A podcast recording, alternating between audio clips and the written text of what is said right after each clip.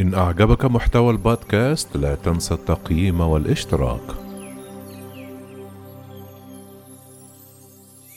مستقبل العلاقات السعودية الأمريكية في عهد الرئيس الأمريكي جو بايدن.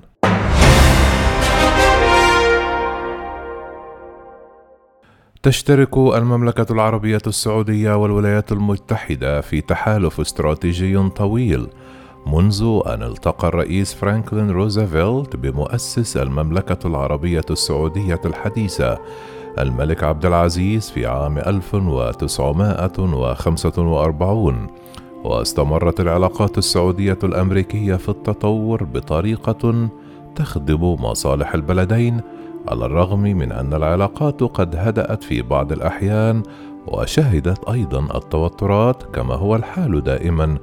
مع العلاقات السياسية بين الدول إلا أن العلاقة بين الاثنين لم تتغير بشكل جذري وقد ركزت على التعاون الاستراتيجي القوي في المنطقة والعالم ومع ذلك يتوقع بعض المحللين حدوث تحول كبير محتمل في العلاقات السعودية الأمريكية خلال فترة الرئيس جو بايدن.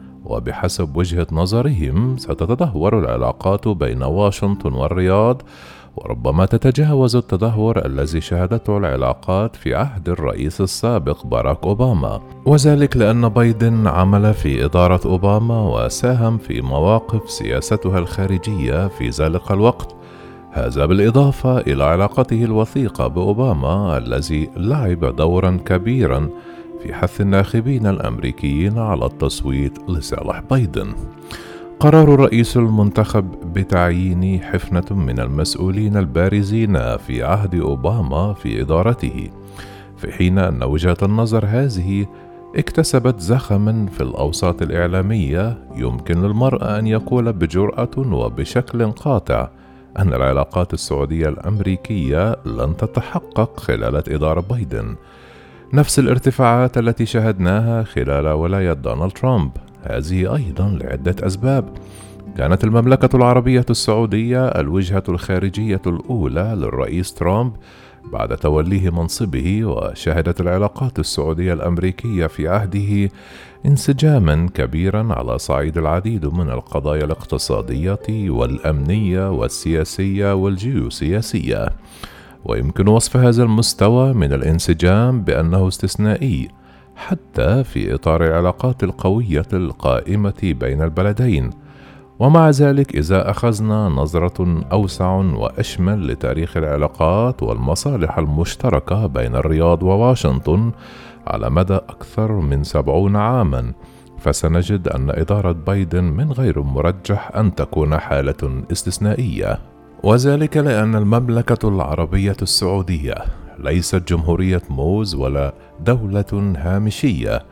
بدلا من ذلك فإن المملكة العربية السعودية لها وزن اقتصادي وسياسي عالمي كبير كما أنها المصدر الأبرز للطاقة وصاحب أكبر احتياطي نفطي في العالم في حين أن المكانة الروحية للمملكة باحتوائها للحرمين الشريفين تمنحها مكانة كبيرة وفريدة من نوعها كما أن الرياض شريك دولي متميز في مكافحة الإرهاب ومكافحته فكريا وخنقه ماليا وهي أكبر مساهم في مكتب الأمم المتحدة لمكافحة الإرهاب. إلا وعلى ذلك تدرك واشنطن تأثير المملكة العربية السعودية على أسعار الطاقة العالمية، ومن الأمثلة الحديثة والجيدة على ذلك الرسالة التي كتبتها شركات النفط الصخري الأمريكية إلى ترامب تطلب منه أن يناقش مع المسؤولين السعوديين إمكانية رفع أسعار الطاقة إلى مستوى يخدم مصالح البلدين. حقيقة أن تكلفة استخراج النفط الصخري ضعف تكلفة النفط التقليدي. توضح أهمية المملكة العربية السعودية للاقتصاد المحلي للولايات المتحدة. إلى جانب ذلك فإن خبراء الشرق الأوسط الذين شهدوا التطورات المهمة في المنطقة التي حدثت خلال إدارة أوباما بما في ذلك بما يسمى باحتجاجات الربيع العربي والدعم المقدم للجماعات الإسلامية السياسية مثل الإخوان المسلمين والتطورات في المنطقة العربية الإسرائيلية فليس من الممكن إعادة عقارب الساعة إلى الوراء في الواقع أصبحت العديد من القضايا والموضوعات المثيرة للجدل من تلك الفترة أكثر وضوحا للجمهور العربي وخاصة لمجتمع المملكة العربية السعودية. على المستوى المحلي السعودي أدخلت الرياض إصلاحات كبيرة على جميع المستويات على مدى السنوات الخمس الماضية، والعديد من المزاعم التي ألقي بها الديمقراطيون على الرياض أصبحت الآن زائدة عن الحاجة تاريخيًا. فقد ركز الديمقراطيون واليسار في الولايات المتحدة على قضايا محددة مثل حقوق الإنسان كما دفعوا باتجاه مفاوضات إقليمية وتسويات سياسية دون تقديم حلول حازمة للمشاكل الإقليمية.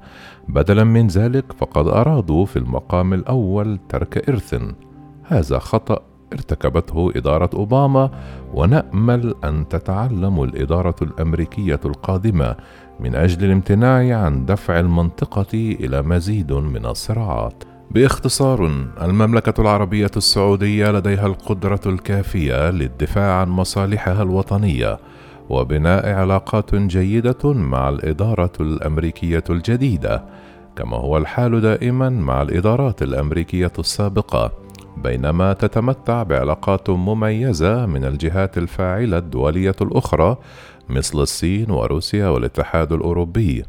ولن تؤدي فترة ولاية بايدن التي تبلغ أربع سنوات إلى تحول كبير في العلاقات السعودية الأمريكية طويلة الأمد. بدلا من ذلك من المتوقع أن تكون إدارة بايدن مشغولة بالقضايا المحلية وعواقب جائحة الفيروس التاجي وإعادة بناء علاقات واشنطن المتوترة أصلا مع أوروبا. وفيما يتعلق بإيران قد تسعى إدارة بايدن إلى اتفاقية نووية جديدة ومع ذلك فإن هذا الاتفاق سوف يسبقه مشاورات مع حلفاء واشنطن الخليجيين وخاصة المملكة العربية السعودية حيث يتماشى موقف بايدن من سلوك إيران العدائي وبرنامجها الصاروخي مع موقف السعودية بالإضافة إلى ذلك من المتوقع أن يكون بايدن أكثر صرامة بشأن تركيا فيما يتعلق بمشاريع رجب طيب أردوغان على الجبهتين الأوروبية والليبية. وهذا يتماشى أيضا مع موقف المملكة العربية السعودية وعلى عكس ما ورد في وسائل الإعلام لا أستبعد حدوث تطورات إيجابية في العلاقات السعودية الأمريكية وتوقيع اتفاقيات كبرى بين الحليفتين. وعليه يجب أن نضع في اعتبارنا أن البيانات التي يتم الإدلاء بها خلال الحملات الانتخابية لا ينبغي أن تؤخذ على محمل الجد حيث أنها تهدف في المقام الأول إلى إقناع الناخبين أن مقارنة تصريحات ترامب ضد السعودية خلال فتح حملته الانتخابية بمواقفه بعد وصوله إلى البيت الأبيض تقدم مثالا معبرا في الواقع. هذا النوع من الخطاب هو سمة منتظمة لكل حملة انتخابية. ولعل وصف السفير السعودي الأسبق لدى الولايات المتحدة الأمير بندر بن سلطان فترة الحملة الانتخابية بأنها موسم سخيف مناسب في هذا الصدد.